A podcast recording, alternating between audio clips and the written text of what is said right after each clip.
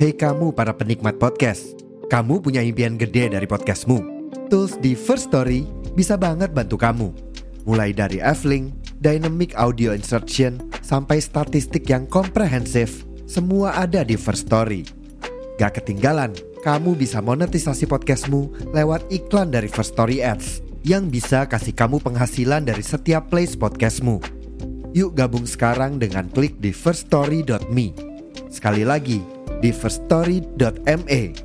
Mari kita bawa mimpi podcastingmu menjadi kenyataan.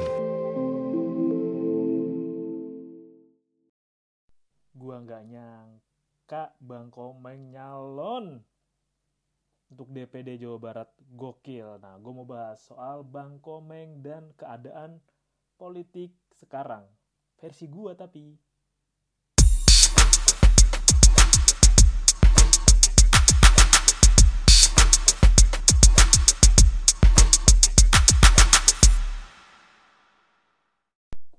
Oke, pas pemilu kemarin harusnya gue, eh gue posting deng. Pemilu kemarin gue jadi saksi mewakili partai PDI. Itu, oh ini kegiatan pertama gue sih terlibat langsung di masyarakat. Ikutin prosedur daftarnya, uh, bimbingan teknisnya, proses penghitungannya, jadi saksinya, laporannya, ya gue bisa dapat gambaran sedikit nanti akan gue bahas ke sana deh pelan-pelan mengenai apa yang gue alamin dan gue jalanin selama tanggal 13 eh 14 Februari kemarin. Mengenai Bang Komeng, yakin lah Bang Komeng masuk. Ya udah pasti masuk deh kalau dilihat dari rekap terakhir ya. Ini kan direkam tanggal 16 Februari. Gila suara Bang Komeng unggulnya jauh banget. Gokil. Beneran jauh banget dah kayak ibarat kata yang lain suaranya masih di angka 3 nih.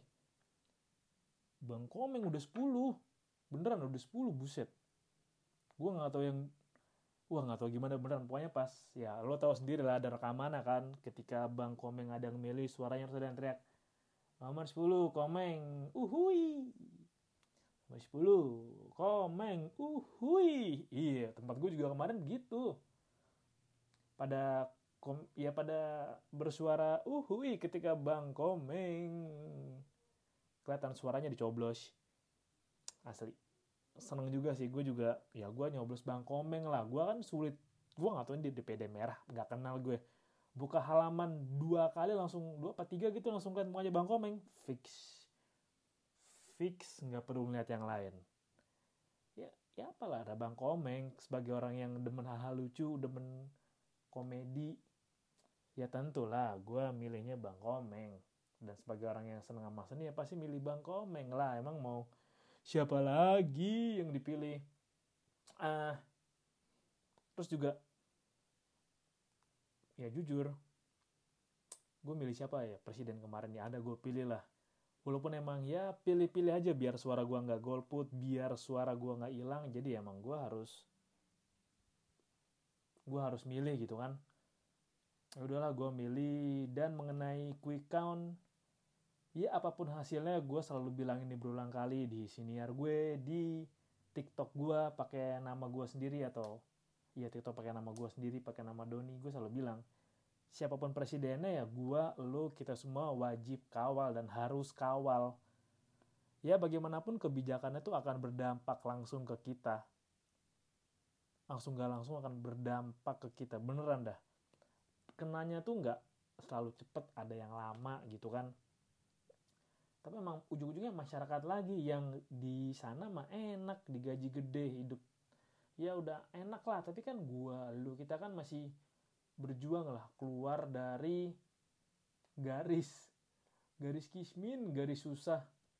Tapi gua gua tadi baru tahu ya kan gue lagi nonton ini kan uh, YouTube-nya Empat Citra kan gue ngeliat obrolannya tuh baru di Trans TV sama di siapa? Deki Sutrisna tuh. Ya nanya kan ya orang miskin mah masih kayak orang kayak pada Robin Moa. Ya masih ada rumah masih ada tembok masih ada di ubin rumahnya. Gue mau melarat. Rumah masih tanah pakai triplek. Gitu gue liatin Mbak Citra. Gokil sih perjuangannya gokil banget. Gue pas gue open mic gue ketemu Mbak Citra beberapa kali sih. Respect dari Pulau Gebang ke Mic Bekasi. Ya emang kategori ada yang di bawah miskin tuh ada melarat. Dan emang sih kebanyakan dari kita tuh garis miskinnya tinggi gitu kan tapi jangan lupakan juga soal melarat. Iya. Gue nggak tahu ya tapi gue nggak tahu tapi ya dengan keadaan sekarang emang kita harus lebih kenceng monitornya sih kenceng banget. Dan kita nggak pernah tahu keadaan politik ke depan akan nggak berkoalisi lagi siapa oposisinya siapa serang siapa atau ya siapa dukung siapa. Ya buktinya ya orang yang dari dulu ngatain jelek-jelekin pemerintah ujung-ujungnya gabung juga. Lu tau lah siapa lah ya. Gue sempat kaget sih soal gue baru tau kalau Bosman gabung ke tim 02 padahal dari dulu kontennya kenceng banget kan. Nyindir Jokowi terutama nyindir Pak Luhut kenceng banget nyindir Pak Luhut ujung-ujungnya ya ya gue nggak tahu lah tapi yang support beliau selama ini kaget juga sih apa karena pas beliau lagi kena sesuatu kemarin kan makanya gabung ke 02 ya namanya juga politik lah dinamis gitu. Nggak ada kawan selamanya teman selamanya nggak ada lah hanya ada kepentingan. Jadi pinter-pinter lu berusaha nggak kebawa emosi terlalu jauh melihat sesuatu yang ada bukan masalah ada orang baik atau orang jahat di politik. Yang ada hanya orang yang berpolitik aja. Contohnya kayak Pak Mardigu gitu. Yang tahu kayak apa kan? Ujung-ujungnya gabung juga atau kayak partai sosmed yang rekam jejaknya dulu ke Pak Prabowo kayak apa kan? Sekarang diajak gabung. Ya macem-macem lah. Tapi mengenai Komeng khususnya Bang Komeng kita masuk ke pembahasan.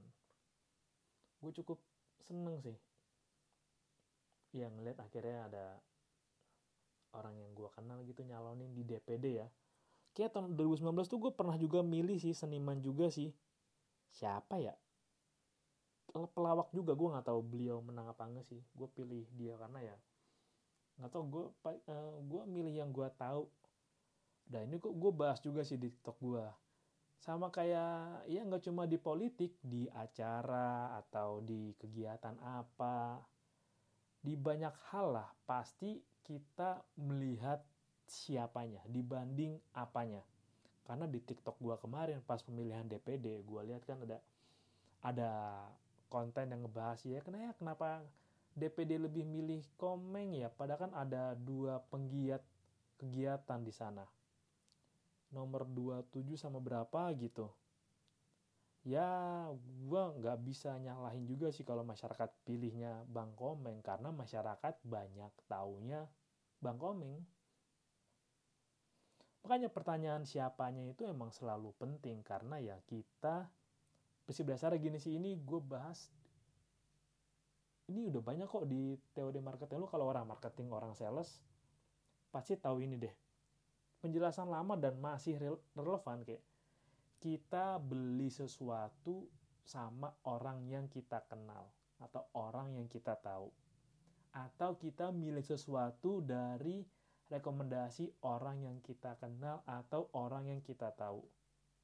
Kalau kita mencoba hal baru memang pilihannya 50-50 kayak misalkan nih gue nyobain deh beli es krim A misalkan gue eksperimen kan apakah gue puas? Nggak tahu gue harus cobain gue dapat pengalaman ya. Tapi kalau gue dapat rekomendasi dari temen gue eh es krim A enak nih lo beli deh. Ya gue belilah rekomendasi dari temen gue sama ke influencer gitu kan. Nyaranin mereknya yang dia tahu dan menurut dia enak adalah ini ya lo cobain juga deh biar ngerasain pengalaman gue gimana dan kalau emang kenapa yang dipilihnya komeng? Karena memang banyak masyarakat tuh taunya komeng dari segala level ya. Jujur komeng, gue nggak tahu nama yang lain. Kalau Jian Fahira gue juga nggak ngeh. Karena ya gue pilih orang pertama yang gue tahu. Orang pertama yang, wih gue pasti kenal nih dan udah lama juga gue kenalnya kan. Lagi pula, ya mungkin Gen Z nggak tahu siapa Bang Komeng. Emang apa lucunya dia kayak waktu Bang Komeng kemarin kena hujat kan gara-gara bercandaannya begitu ya ilah ya gue bisa ngerti sih. Gen Z belum ngerti komeng ya nggak apa-apa lah. Itu kan emang beda zaman kan. Justru malah ini hal yang menarik gitu kayak timing yang bagus. Ya Bang Komeng ngajuin pemilihan sekarang di mana ya? Penikmat karyanya dari Gen X. Terus yang boomer juga ada kan. Ya kan lo lihat kan boomer milenial Gen X tahu semua sama komeng? Tahu lah nggak mungkin nggak tahu. Gokil. Gokil banget asli. Dan tadi gue baca juga peran DPR juga salah satunya kan yang mengecek undang-undang kan. Ya tentulah dengan dipilihnya Bang Komeng diharapkan memang ada sesuatu yang bakal ngasih warna baru di pemerintahan. Lucu atau enggak ya nggak tahu lah. Karena pilihannya tuh ada dua hal berbeda kan ketika orang bekerja sama orang berkarya gitu. Ada yang ini juga gue mau ngingetin lagi sih. Ya mungkin mungkin secara pekerjaan yang komedi gitu secara karya Bang Komeng lucu tapi secara realita kita nggak pernah tahu sih. Gue nggak tahu Bang Komeng secara asli kayaknya apa kan setelah off camera ya gue nggak tahu. Tapi semoga lah Bang Komeng tetap bisa mewakili masyarakatnya. Emang yang dipilih siapanya? Makanya kalau lo lihat di partai itu juga ada banyak orang yang kok artis nyalek? Kok uh, misalkan si musisi ini nyalek? Ya lo tahu. Karena mereka dikenal. Seenggaknya nih harapannya kan kalau misalkan di Pandai ada Feral kan kalau misalkan di siapa ya gua gua ngarang aja deh gua ngarang ya gua ngarang ya misalkan di Golkar nih ada di Golkar misalkan ada Tretan Muslim gitu misalkan misalkan. Ya pasti orang ih partai Tretan Muslim Golkar. Ya udahlah pilih Tretan Muslim aja lah. Atau ya gue pilih Golkarnya aja lah. Nah karena kan kemarin suara itu kebagi dua. Ya ada suara ke caleg ada suara ke partainya. Seenggaknya kalau emang nggak bisa dapetin suara di calegnya partainya kena. Kayak gitu atau seenggaknya ketika siapa? Wah ada Tretan Muslim di Golkar. Huh? terus dia pasti kan baca juga kan oh saya muslim ada siapa lagi ya? Ada caleg si A B C D dengan harapannya ya udah kalau nggak milih muslim milih partai kalau nggak ya milih nama yang ada di sana. Banyak peluang banyak kemungkinan. Dan itu tadilah emang demi mengangkat nomor partai karena kalau ini gue baca ya gue baca gue pernah baca aja gitu. Karena kalau emang suara partai itu banyak di pemilihan kan partai itu kepilih kan uh, mendapat posisi karena itu juga akan ngaruh ke pendapatannya partai. Nanti cari aja deh. Ya salah satu sumber pemasukan partai adalah dia punya berapa kursi di di ya kayak di pemerintahan itu juga ngaruh. Dan balik lagi iya ke siapanya lah. Emang siapa coba? Ya lu lu pasti gitu lah. Pasti lu beli barang dari orang yang lu kenal. Orang yang lu tahu, orang yang lu kenal lah. Ya kan kayak Bang Komeng kan. Dan menurut gue kayak ya selain Bang Komeng juga karena ya emang komedian tuh ini komedian ya. Ini akan nyambung ke menurut gue alasan berikutnya sih ke kritik sosial. Ini gue juga pernah dengar dari siapa ya? Komedian atau pelawak itu memang fungsinya sebagai kontrol sosial karena ini kalau ditarik dari sejarahnya, pelawak itu kan joker. Joker itu kan di awal emang ini kan raja bosen nih, bete, butuh hiburan, nyari siapa ya? Cari orang yang paling lucu di kota bawa sini suruh ngehibur gua. Emang awalnya kayak gitu kan? Emang awalnya ya lagi raja lagi bosen minta dihiburkan ya udahlah, dicarilah itu dan diminta diminta untuk menghibur raja. Dan bentuk hiburan untuk raja kan dengan si pelawak atau joker ini ngasih tahu kan, gini loh keadaan masyarakat sekarang, tapi dibuat dan dibungkus secara komedi. Jadi raja terhibur dan bentuk masukan juga buat rajanya nih. Kalau emang ada wewenang raja yang kelewatan, atau ada kebijakan raja yang nyengsarain atau nyusahin rakyat, atau emang keadaan rakyat yang sebenarnya digambarin, dibalut dengan komedi dan emang bikin raja terhibur. Emang tujuannya buat itu kan.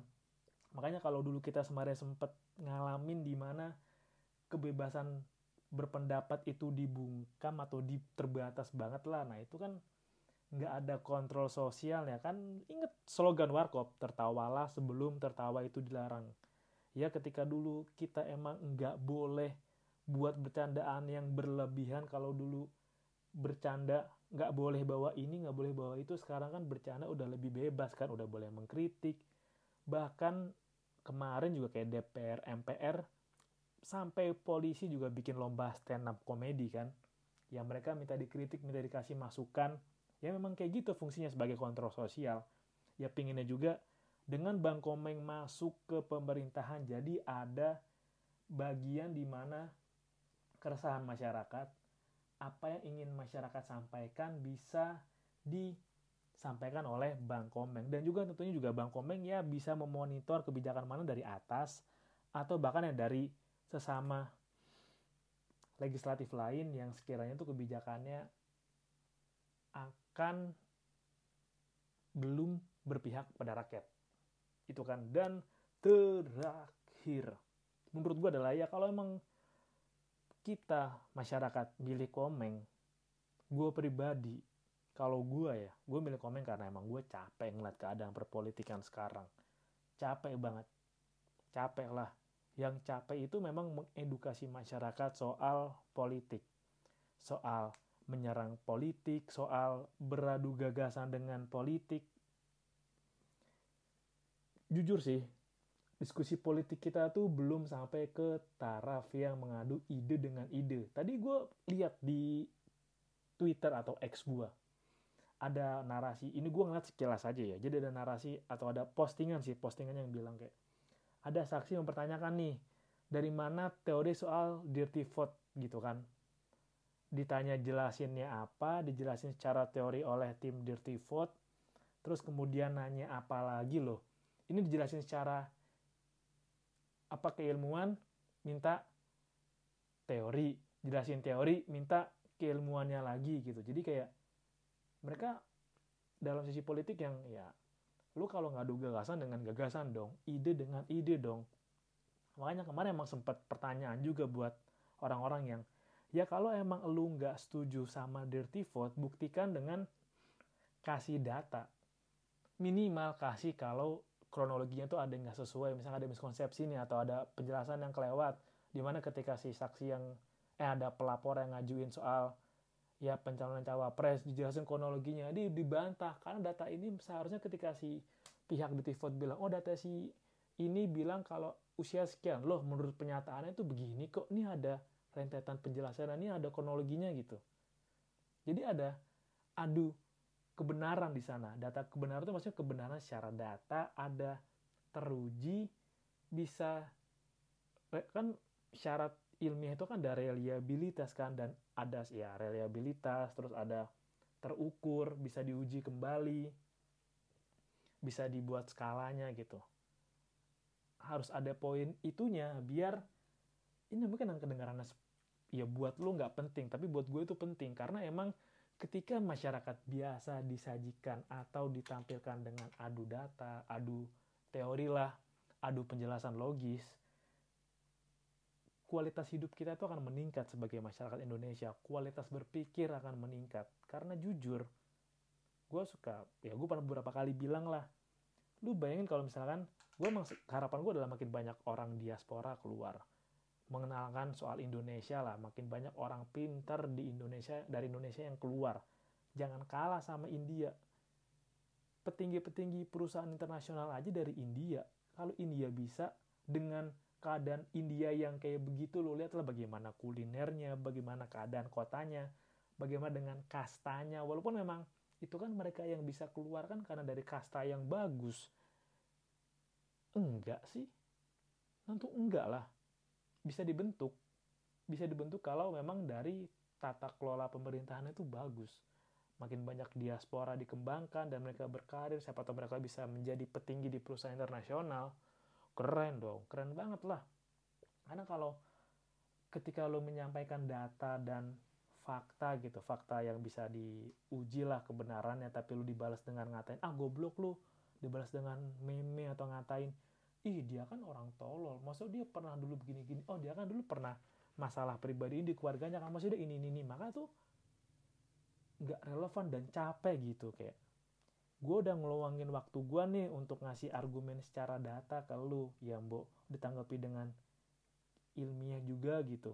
Kalau misal lu bilang kalau ilmiah terus sih don? Kalau teori terus sih don? Ya gue selalu bilang teori ilmiah dan data itu bukti dari perkembangan dan kemajuan pemikiran manusia. Hasil dari pemikiran manusia hasil dari apa yang udah Allah ciptain buat lu. Lu tuh udah dikasih sama Allah otak buat berpikir ya digunain dengan maksimal. Kalau lu bisa ngadu dengan data kenapa lu mesti ngelawannya dengan ngatain atau dilaporin? Tunjukin dong kayak jangan jadi manusia yang menyia-nyiakan apa yang udah Allah kasih buat lu Allah udah ngasih sempurna banget itu otak buat mikir cakep banget itu organ-organ indera lu lengkap bisa berfungsi normal. Bu gunain dengan maksimal gunain dengan melawan argumen dengan argumen yang lebih logis yang makin masuk. Jadi tuh lu nggak nyanyain apa yang udah Allah kasih. Makanya kadang gue juga ya Allah nih gue kan minta adu data ya udah kasih data kok lu nanggepinnya malah kayak gini sih nggak ada dengan data juga sih minimal dengan buku lah atau datangin saksi ahli lah gitu. Jadi biar ih seneng nih gue nih gila. Ini gue seneng nih. Jadi diskusi ada dari bukunya ada apa pola pikir dari yang deduktif induktifnya kayak apa bisa ditarik kayak logis logisnya kayak apa gitu. Seru tau menggunakan apa yang udah Allah kasih berupa pikiran dan kita menggunakan pikiran itu dengan baik bagus tau beneran dah. Karena kalau ujungnya cuma debat capeknya ngatain atau bikin black campaign atau edit-edit video apalah fitnah-fitnah apalah bosan sih gue capek sih. Ya mungkin kalau ngeliat kalangan masyarakat masih banyak yang kemakan sama begitu. Namanya juga fase berpolitik ya iya tapi kan fase berpolitik bisa dipercepat bisa dipercepat itu. Salah satu cara mempercepat fase berpolitik yang kayak gue alamin kemarin adalah dengan ikut terlibat langsung dari perhitungannya dari teknis pelaksanaannya ngitungnya kayak apa. Mungkin juga terlibat di kegiatan partai-partainya apalah. Di tiap tiap warga desa mengawasi lah kampanye sesuai jalur nggak nih. Kalau pemerintahan kayak RT atau desa pas masa tenang kampanye ada kampanye nggak nih? Kayak gitu itu kan bisa dilakuin sebenarnya. Bisa lah. Jadi tuh tapi kan pasti alasannya gini buat makan aja susah apalagi buat mikir bang jawabannya gitu kan makanya makan gratis aja lah gitu. Ya iya sih. Memang kalau kita berpikir tuh butuh asupan makan kan. Tapi kalau kita biasa melatih gitu melatih ketika lagi lapar dibiasakan berpikir kritis berpikir tajam lah berpikir logis lah lama-lama pun lu mau lapar nggak lapar juga terbiasa gitu terbiasa lah malah ada yang bilang gitu kalau ketika orang lagi lapar malah bisa berpikir lebih jelas kan karena memang ada keresahan, ada yang dituntut, ada yang lagi diperjuangin. Makanya kalau banyakkan makan takutnya malah males mikir dan ngantuk dan juga nggak tahu makanannya kualitasnya kayak apa gitu. Ya kan? Gue juga kalau lagi lapar tuh otak gue jalan banget. Kalau lagi kenyang jarang otak gue jalan. Makanya gue kalau makan ada kalanya makan emang gak pengen kenyang ya hanya ngisi operasional aja gitu. Karena gue tau kalau kebanyakan makan bisa bikin malas dan ngantuk. Enggak deh. Kecuali yang lagi tertentu aja gitu. Sayang lah sayang banget gitu. Uh capek nggak tuh politikan sekarang memang.